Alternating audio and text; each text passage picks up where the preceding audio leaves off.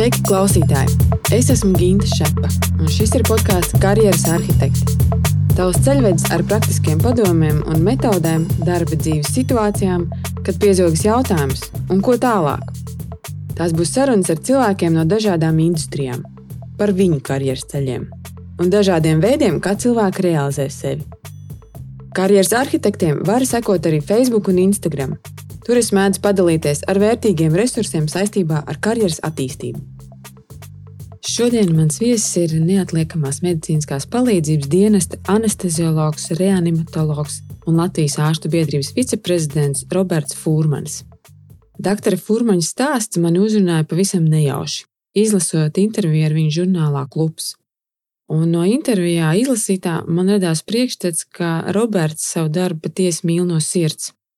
Man ļoti gribējās sarunu ar viņu, uzzināt vairāk gan par darbu ikdienu, gan par Roberta izvēli šo darbu veikt. Sveiks, Robert! Sveiki! Man jāsaka, tev liels paldies par atsaucību un tik ātru reakciju, ka mums viss ir izdevies tiešām ļoti ātri sarunāt ar tevi šo sarunu. Nu, mums tās darbs ātri rēģēt. Es tā sapratu, jā, kad ātri, ātri. Kāda vispār ir pagājusi tava vasara darba intensitātes ziņā? Nu, es teikšu tā, ka ļoti darbīgi. Brīžiem pat uh, vairāk sanāca kaut ko darīt, mazāk baudīt kaut kādas vasaras labumus, bet uh, nu, vasara bija ļoti, ļoti produktīva darba ziņā. Šis ir tagad interesants dzirdēt no neatliekamās medicīnas, medicīniskās palīdzības dienas, kad ļoti produktīvi vasara darba ziņā. Tas nozīmē, ka bija daudz izsaukumu, vairāk salīdzinājumā ar pagājušo vasaru. Nu, es varbūt neteiktu, ka tie paši izsaukumi, tas, ko mēs uh, izpildām, bet dažādas uh, aktivitātes, kas ir saistītas ar darbu, pašu darbu, NMPD, dažādas aktivitātes ārpus darba, uh, motocrossi un vēl daudz interesantas lietas. Tā kā kopumā ņemot, vasara ir bijusi ļoti, ļoti interesanta. Okay. Nu tad, tad, tad labi, ka tā, ka tas nav tieši ar izsaukumiem saistīts. Bet, uh, bet, ja tu paskaties, nu, tiešām salīdzinot pagājušo vasaru ar šo, es domāju, ka cilvēki arī vairāk ir palikuši tepat Latvijā, nav nekur aizceļojuši. Vai, vai jūs to jutāt, kad jums izsaukuma ziņā vairāk bija darba? Nu, tā mana darba specifika NMPD saistās ar mazāk ar uh, iedzīvotāju blīvumu vai iedzīvotāju skaitu, bet vairāk ar smagiem gadījumiem, ar kuriem mēs uh, varam saskarties. Tad tā mūsu ikdiena bija, nu, man gribētos teikt, ka salīdzinoši līdzīga, kā tas bija pagājušajā gadā, bet tas, ko es savā personīgajā darbā biju novērojis, vienkārši tā ir varbūt tas vairāk tāda apstākļu sakritība nedaudz mazāk ceļu satiksmes negadījumu. Bet tas ir tikai man konkrēti, jo kopējais negadījumu skaits nav mainījies, bet tieši konkrēti man varbūt tā šīs situācijas bija nedaudz mazāk. Kāda ir tā loma vispār, tad, kad jūs nu, dodaties uz izsaukumiem? Kā, kā, kāda jūs, cik liela komanda jūs esat un ko tu dari? Nu, mēs mūsu brigādē esam divu cilvēku komanda, kas strādā uz vieglās automašīnas, Un mūsu uzdevums ir sniegt atbalstu brigādēm, kuras ir nonākušas izsaukumos, kur pacienta dzīvība ir apdraudēta un ir nepieciešams rēģēt tūlīt un tagad. Nu, respektīvi, tā ir tāda. Mums ir drusku savādāk medikamenti, drusku savādāks aprīkojums. Viņš ir, ja neapmācīts cilvēks viņu lietot, tad tas ir pacientam dzīvībai bīstams, tās iekārtas. Taču Mums lietojot viņas, nu, mēs esam sagatavoti, apmācīti ikdienā, ar to strādājam, līdz ar to mēs viņus arī varam pielietot. Uh mhm. -huh. Un ko jūs darāt, kad izsaukuma nav? Kāda ir jūsu normālā darba diena? Pavadam laiku starp izsaukumiem. Nu, nezinu, skatāmies ziņas, lasām ziņas. Ja ir atnākuši mācīties kolēģi, tad apmācām kolēģus. Nu, nu, nu, ļoti dažādi. Bet atgriežoties pie aizsākumiem, kādēļ vispār tu nolēmi medicīnas ceļu iet? Kā tā izvēle notika? Man visa ģimene ir saistīta ar medicīnu. Tēvs strādāja arī tajā laikā, tā sauc par ātrā palīdzību, tagad to sauc par neatliekamo palīdzību. Viņš arī bija ārsts, nu, lai viņam viegli smilts, nu jau 13 gadus. Jā, mana mamma turpat strādāja, un es visu savu bērnību pavadīju šajā sistēmā. Līdz ar to arī likumsakarīgs bija tas, kāpēc es izvēlējos darbu šajā pašā iestādē. Redzot to nu, jā, savu vecāku darbu un ikdienu, un ko patiesībā tas darbs nozīmē, tev nebija tā atkal vēlme, ka nē, es gribu kaut ko pilnīgi citu. Es zinu, ko tas darbs nozīmē, kāda tam ir cena. Un... Absolūti nē. Es redzēju to, cik daudz vecāku laika pavadīju darbā, cik daudz laika es pavadīju viens pats mājās kopā ar māsu, bet es neapsvēru nemaz citu profesiju un mācīšanās par ārstu. Tas bija tā automātiski aizgāja arī. Mm. Un kā ar šodien? Ja tev šodien būtu iespēja vēlreiz veidot savu karjeras ceļu, vai kaut kas būtu savādāk? Es darītu tieši tāpat. Tu esi uzticīgs savai profesijai. Jā, un man patīk tas, ko es daru. Kas tev tajā patīk? Tā ir sajūta, kad uh, var kādam palīdzēt. Um, prieks par izglābtu dzīvību, um, un, un, un, un, un tas feelings, kad ir bijušas situācijas, kad pacients atnāk uz savām kājām, paspiež man roku, un tas sajūtas, to, to tā nevar aprakstīt patiesībā. Tas ir ja tu izbaudi, tad tas savā ziņā rada atkarību. Es ticu, jā, nu, nu šī ir tāda tie pozitīvie piemēri, bet vai tu atceries savu pirmo izsaukumu uz negadījumu vietu, kur neizdevās glābt cietušā dzīvību? Kā, nu, kā tas, tad ir? Tas pats pirmais bija, es, es, es tajā laikā strādāju par glābēju uz ūdeņiem. Astoņus gadus pavadīju uh, Jūrmālas pludmalē. Un tas bija desmitgadīgs puika, lielapē, kas bija noslīcis. Un, uh, braucot uz izsaukumu, mēs nebijām paņēmuši līdzi elpināšanas maisu, kas bija vajadzīgs tajā brīdī. Un, lai viņu varētu atdzīvināt, nu, mēs nezinājām, cik ilgi viņš ir bijis zem ūdens. Es elpināju viņu no mutes mutē, kas ir nepareizi pie šodienas vispār standartiem. Un, uh, bija tā, ka viņam bija pa daudz iepūsts gaiss, un gaiss bija nonācis arī kuģī. Un vienā brīdī spiediens kuģī bija tik liels, ka viss kuģis saturs nāca ārā, un tas, tas, tas cilvēks man pievēja muti. Un tas, tas bija tāds, nu, tas ir pirmais, pirmais tāds, uh, uh, pirmā situācija, kad neizdevās izglābt cilvēku dzīvību. Nu, jā, es domāju, šādas situācijas un emocijas tavā ikdienā ir neizbēgamas. Um, kas tev palīdz neņemt darbu uz mājām? Tev tomēr arī ir ģimene. Viņi gaida mājās Tev, tev ir bērni? Jā, divi. Jā, viņi gaida rekrutēti, jā, un sievu vīru. Un tad reku ir darbā visi šie notikumi un emocijas. Kā tu atslēdzies no tā? Nu, nav jau tā, ka viņi nezina, ar ko es darbā nodarbojos.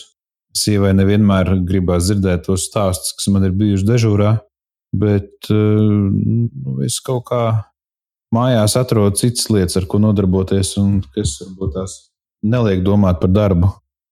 Tā kā man ir grūti atrast to, mm, to kāpēc es viņu neņemu uz mājām. Jo nu, viens ir tas, ja es esmu izdarījis visu maksimālo, ko es varēju no sevis izdarīt, un rezultāts ir tāds vai savādāks, tad līdz ar to arī nav jēgas pēc tam par to domāt. Mēs ejam tālāk, ir nākamais izsaukums un ir eh, nākamā darba, nākamā diena. Jā, jā, es tam piekrītu. Vienkārši dažkārt nu, tev pat negribot, jā, tev, nu, skaidrs, ka negribās uz mājām to nest, bet tu, nu, kaut kāda tāda emocionāla pārdzīvojuma viņi tev nospiedumu atstāja. Es tādā ziņā. Nu, nu, es, es neteiktu, ka es neteiktu, kad, nu, kad paliek šausmīgi nospiedumi. Kaut kādu brīdi padomā, bet ir jāiet uz priekšu, un to kaut kā nav jēga turēt savā galvā jo tas, tas izdedzina pašu. Tā kā es, es cenšos atnākt mājās, es cenšos domāt par kaut ko citu, un, uh, un tad ir kaut kādi citi jautājumi, kas jārisina, un tad, tad, tad tie visi izsaukumi, kas ir bijuši, tad viņi tur arī paliek. Pat, pat, pat ir tā, ka, ja mēs atbraucam no izsaukuma, ja es aizpildu medicīnisko dokumentāciju, es viņu noslēdzu pārakstu, un es faktiski nolieku viņu kaut kādā plauktā un aizmirstu. Šito varētu mācīties no tevis. nu, cil, ir cilvēki, Man tik labi kas, neizdodas.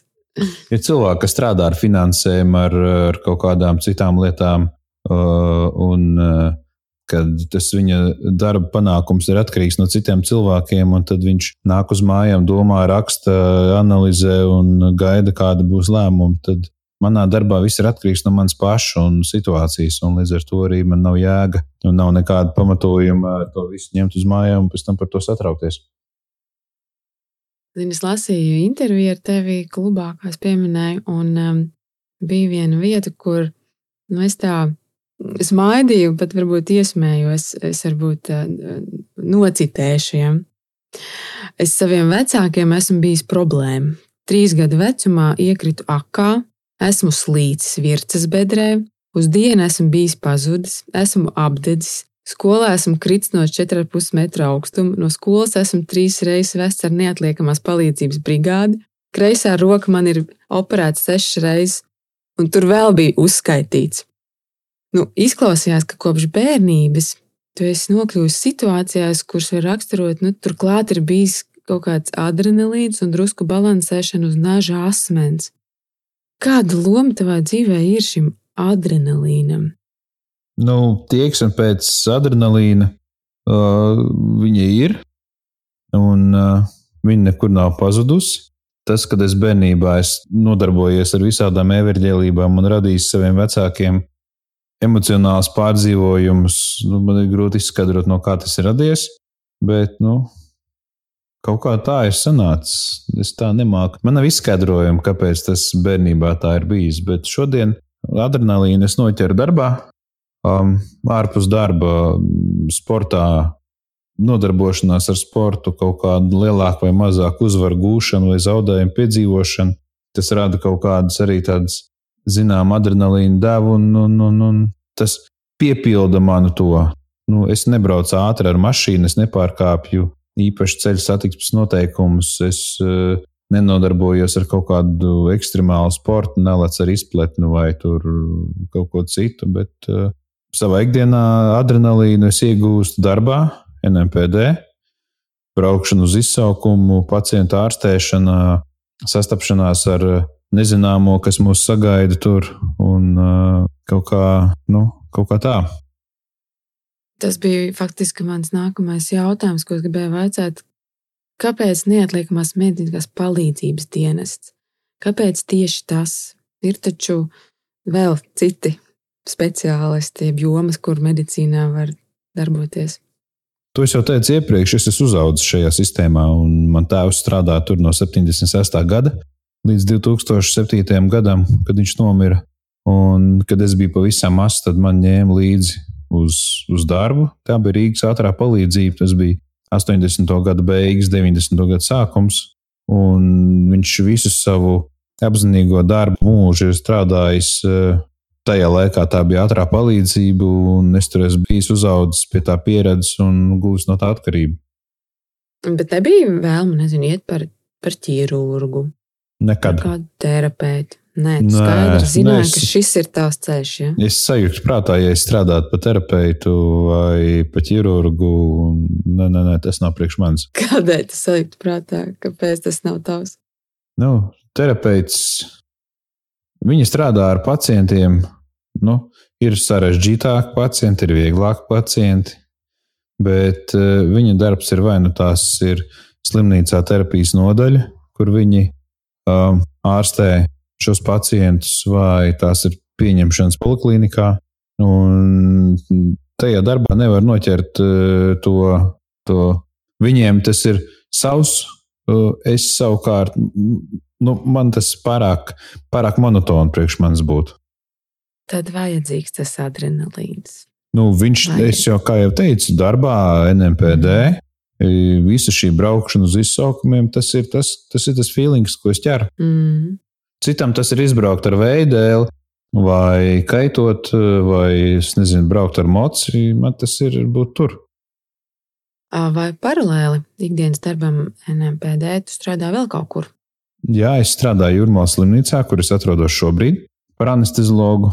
Tad uh, es nodarbojos ar apmācībām, pirmās palīdzības apmācības iedzīvotājiem, uh, tad uh, arī apmācības ārstniecības personām, Šis tas arī ārstu biedrībā ir. Nu, tur tā ļoti mazāk, mazāk šobrīd, bet nu, ir ko darīt. Strādāju Startautiskā motocross federācijā par angļuiski viņam saucās medical director. Tas ir ārsts, kas brauc uz, uz dažādiem posmiem un uzrauga, vai tur uz vietas nodrošinātā palīdzība atbilst Startautiskās motocross federācijas izstrādātajiem standartiem. Tagad uh, gatavojos braukt uz um, sešām dienām. Ir tāds uh, sacensības, saucās. Es neatļaušos angļuiski, kas varētu nepareizi izrunāt, bet tas ir apvienoties Arābu Emirātos tūkstnesī. Um, sešas dienas, kur ir uh, gan ar automašīnām, gan ar motocikliem, uh, uh, brauc pa tūkstnesi. Saucās viņš Desert Challenge. Un uh, tā būs man tāda pirmā nopietnā pieredze tāda līmeņa sacensībās, kur mēs esam prom no, visa, no visas medicīnas, un attiecīgi tur ir jāprot palīdzēt šiem uh, traumētajiem sportistiem. Tā kā vēl dažādi piedāvājumi, kas ir ārpus Latvijas, braukt strādāt, nu, līdz ar to arī nu, tā nākotne tuvākajā laikā, ja Covid viss nesabojās, tad radās diezgan interesanti. Tu esi pieļāvis domu braukt, strādāt ārpus Latvijas, nu tā, ka tiešām ar visu ģimeni dodies prom. Ja pagājušajā gadā es vēl tādu domu neapsvēru, tad ņemot vērā vispār to vērtējumu, kādu dod valdība, vadošās partijas, to tam, kāda izskatās Latvijas veselības aprūpe un to, kā mēs spējam viņu novērtēt, tad es neizslēdzu šādu iespēju. Un, ja esot šajos īsajos darbos, radīsies kāds vilinošs vai interesants piedāvājums, tad es noteikti viņu apsvēršu. Bet uh, es joprojām esmu Latvijas patriots, un, uh, un tas faktiski būs galīgais lēmums, lai nav tā, ka esot šeit brīžiem ir jāstrādā uz izdegšanas robežas, lai varētu sakārtot savu dzīvi.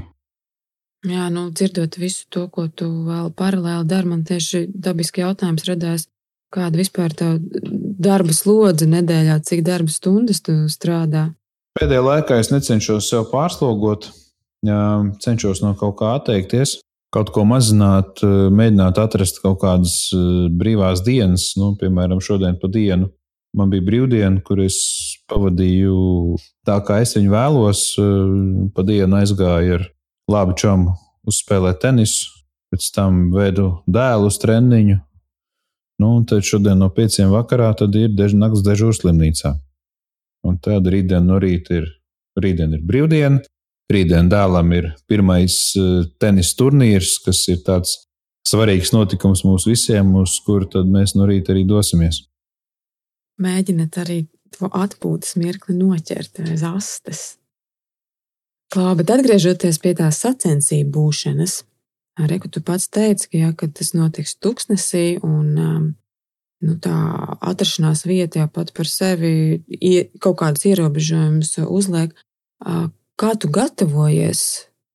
Nu, kad tev ir, jā, ka tu esi atbildīgs tajā sacensību brīdī, nodrošināt šo palīdzību, vai tev ir arī sava komanda tur, vai kā tas notiek? Nu, es šobrīd būšu tur visnepieredzējušākais komandas loceklis. Es braucu kopā ar ārstu komandu, kas pārsvarā ir ārsti no Anglijas, arī vietējie ārsti. Un es tur būšu vismazāk pieredzējis. Līdz ar to arī tas man būs ļoti daudz kas jauns. Šobrīd es esmu uzsācis licencēšanas procesu, lai es iegūtu atļauju praktizēt konkrētajā valstī. Un tad, kad saņemšu pilnu akceptu, tad arī runāšu ar eh, tiem autosportistiem, kas ir piedalījušies šajās sacensībās, un, un, un, un, un lai viņi dod padomu, par ko domāt, kā ir, cik viegli, cik grūti ir, kas jāņem līdzi, kas nav jāņem līdzi. Tādas lietas. Nu jā, tāds labs sagatavošanās darbs jāizdara. Tu minēji, ka tu astoņus gadus strādāji par glābēju. Ko tu pamanīji to astoņu gadu laikā? Vai sabiedrības, nu, ja tā var teikt, apzinīgums laika gaitā mainījās, un mēs esam kļuvuši piesardzīgāki, apdomīgāki, vai cilvēku pārgalvība tomēr neizmācīta? Mm, neko neizmācīt, nekas nav mainījies. Kā tas bija 2001. gadā, tā tas bija 2008. gadā, un ļoti līdzīgā situācijā mēs esam 2020. gadā. Dažreiz man šķiet, cilvēkam ir sajūta, ka viņi vai viņu bērni nemirstīgi, viņi var atļauties neievērot elementāras drošības prasības uz ūdens, pie ūdens. Un tieši šī neaudzinātība šajā jomā noved arī pie traģiskām sekām. Tas, tas viennozīmīgi, ko es esmu pamanījis, valsts, valsts ieguldījums ir līdzvērtīgs nulei, lai šis nebūtu. Jo, piemēram, tika investētas milzīgas naudas ceļu satiksmes negadījumu profilaksei, dažādu citu negadījumu profilaksei ir atvēlēts milzīgas naudas, lai veiktu Covid-19 profilaksi. Taču nav atradies neviens cilvēks vai valsts vīrs vai valsts dāma, kas eh, rūpīgi pieķertos eh, slīkušo cilvēku jautājumam. Un uh, ir atsevišķas nevalstiskas organizācijas, kas faktiski strādā idejas vārdā, un valsts viņus neatbalsta nekādā veidā, kas cīnās ar šo problēmu, kas mazina šo, cenšas mazināt šo noslīkušo skaitu caur caur sabiedrības izglītošanas prizmu, bet uh, viena mēs nebūsim cīnītāji, un uh, uz doto brīdi mainījies faktiski nav nekas. Reāls izmaiņas mēs varēsim sagaidīt tikai tad, kad valsts mainīs savu attieksmi un uh, liks skolās bērniem mācīties peldēt, uh, kad peldēšanas skolotāji, peldēšanas instruktori iemācīs šiem maziem cilvēkiem respektēt ūdeni, Man ļoti patīk Vācijas piemērs, kur uh, caur, um, caur skolām, caur izglītību uh, bērni apgūst uh, cilvēku dzīvības glābšanu. Skolās viņi kļūst par tā saucamiem glābējiem junioriem, kas, kuriem ir izējot apmācību, sasniedzot noteiktu vecumu, viņiem ir iespēja būt klāt šiem profesionāliem glābējiem, kā palīgiem, asistentiem, kas piedod, iedod, atnes, eh, tur palīdz savākt. Protams, viņi neiet, nepiedalās reālās glābšanas procedūrās, bet viņi tur ir klāt. Viņi redz šo darbu, viņi redz šīs situācijas, un tas viņos kaut ko iemāca. Kā rezultātā viņi, viņi uzvedās pavisam savādāk. Latvijā tas netiek veicināts, bet, ja būtu skolas, kur būtu šāda sistēma, Es noteikti, nu es esmu pārliecināts, ka atrastos kaut kādi jaunieši, kas būtu ar mieru doties uz eh, pludmali, būt blakus glābējiem, eh, skatīties, brīdināt, palīdzēt, eh, pieturēt rāciju vai pieturēt jebko citu. Un viņi redz, viņi ir iesaistīti šajā darbā.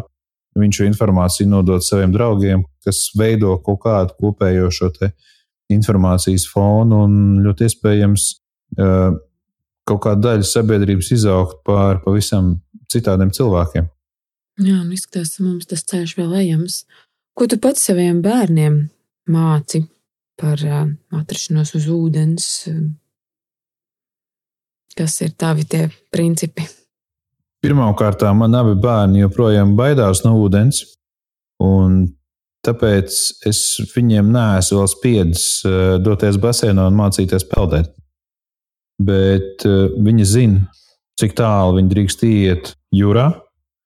Es zinu, kad viņš ne upē, ne ezerā nekāps iekšā. Uh, ja viņš grib iet pie ūdens, tad, tad mums noteikti ir jāuzvelk peldvesti, kas ir droša. Bet uh, noteikti viņiem tas tā visa izglītība nāks ar laiku, bet šajā gadījumā vairāk runa ir par mums pašiem, par vecākiem.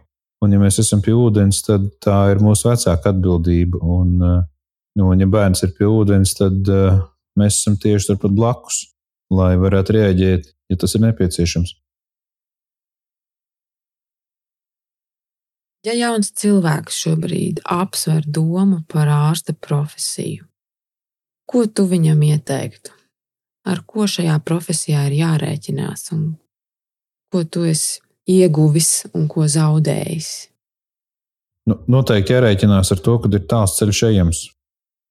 Um, manā gadījumā tie bija 11 izglītības gadi, plus uh, tā ir izglītība arī vēl šodien. Jo izmācīties par ārstu nenozīmē, ka nav jāturpina mācīties, jo medicīna ir nemitīga attīstībā. Un mums visiem ir jālasa, jāmācās un jākļūst par labākiem specialistiem.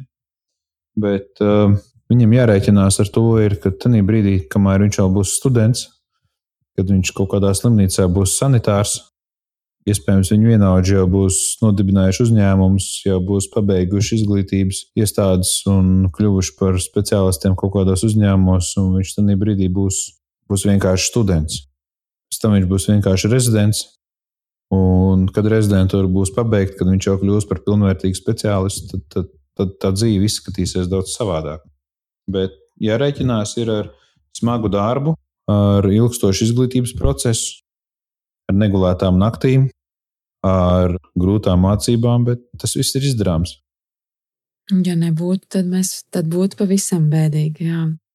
Zini, man pašai vienmēr ir licies, ka ārsta profesijā var darboties cilvēki. Nu, tie ir īpaši cilvēki, tur ir kaut kāds tāds personības tips. Um, vai tu vari noraksturot, nu, kas varbūt ir tās galvenās īpašības, kas ļoti spilgti raksturo to, vai tu būsi, vai tu varēsi to darbu veikt vai nē? Ir dažādi ārsti un ir dažādas personības. Um, ir ārsti, kas ir tādi vairāk aristokrātiski, kuri ir tādi nu, um, ļoti inteliģenti ļoti pareizi, ļoti kārtīgi. Tad ir ārsti, kas ir tādi, nu, dzīvo kaut kādā skarbā realitātē un cīnās ar. Nu, e, e, es personīgi sevi neuzskatu, es neuzskatu ka es varbūt tās pieder, piederētu pie tiem ārstiem, kas ir, eh, nu, kas ir tāds, nu, nu, no tās tā saucamās inteliģences. Es esmu vairāk uh, no tiem ārstiem, kas ir ar tādu skarbāku dzīves uztveri un ar skarbāku to viedokļu paušanu, bet uh, ārsts noteikti ir cilvēks, kas ir apveltīts ar kaut kādu intuīciju, uh, kas ir apveltīts ar, ar spēju saprast, kas, kas kaiš pacientam, faktiski balstoties uz savām sajūtām, uz sarunu ar šo pacientu, uz nezinu, pieskārieniem, tur, nezinu, izmeklējot vai auskultējot un tā tālāk. Un, un ļoti daudz ārsti, kas strādā, viņi strādā tādā kā sajūta līmenī.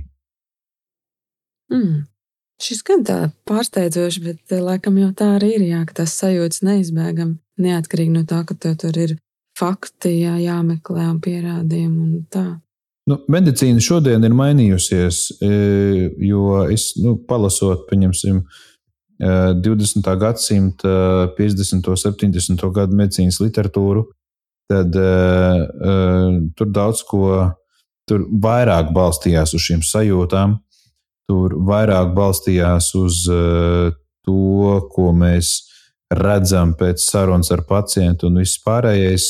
Tur šī intuīcija un šīs sajūtas un šīs maņas bija vairāk attīstītas. Uh, šodien, pieaugot uh, dažādām radioloģiskās izmeklēšanas metodēm, vai vizuālās diagnostikas metodēm, laboratoriskās diagnostikas metodēm, šī sajūta tiek kaut kādā, kaut kādā brīdī nonivelēta. Un, uh, es, es te nerunāju sliktā ziņā, bet labā ziņā, jo diag, diagnostika ir kļuvusi precīzāka, ārstēšana ir kļuvusi noteikti efektīvāka, bet, uh, bet šīs sajūtas ir uh, palikušas, palikušas drusku otrā plānā. Bet tad tu saki, ka ārstam vajag arī tomēr to sajūtu līmeni arī slēgt klāt. Ja?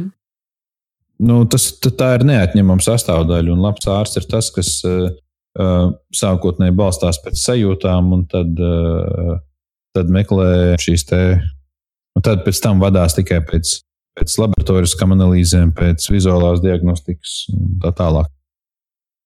Zini, man pašai izdzirdot uz ielas um, sirēnas, vienalga vai tā ir ātrā palīdzība, vai policija, vai ugunsdzēsēji, nu, man vienmēr iekšā ir tāds Es sarausos, satraucos, bišķiņ tāds kaut kāds nemieris, es skatos apkārt, kur kas noticis. Um, kā tu reaģē uz signālu? Vai tev vispār ir kaut kādas reakcijas? Tā ir patiesībā tava ikdiena. padod ceļu, visu. Tev ir tikai tas, jā. Lai brauc tālāk. Jā, jā. Um, nobeigumā, uh, Robert, vai tavs darbs tev ir aicinājums vai darbs? Dzīvesveids. O, oh, šis arī ir labi. Noteikti tas ir dzīvesveids, jo, jo man ikdiena, man vispār eksistence mm, šeit, šajā pasaulē ir zināmā mērā pakļauta tam, ko es daru. Un nodalīt Roberts Furmans mājās ir ārsts, Roberts Furmans darbā ir ārsts, un Roberts Furmans kādā pasākumā viņš arī ir ārsts. Un tas darbs, tas ir dzīvesveids. Tas raksturo to, kas tu esi. Tas ir darbs, tā ir izklaide, tas ir hobijs, tas ir, tas ir viss kopā. Un savā darbā ļoti daudz reizes es noķeru kaifu, es noķeru to drive, to daudz pozitīvu emociju, kuras, kuras, nu, nu, kuras citur, citur nav iespējams dabūt. Un anesteziologs, reanimatologs, cilvēku dzīvību, glābējs, NMPD, tā mēs, tā mēs sevi gribam saukt. Un es uzskatu, ka visi kolēģi, kas strādā NMPD, viņi arī ir dzīvību glābēji.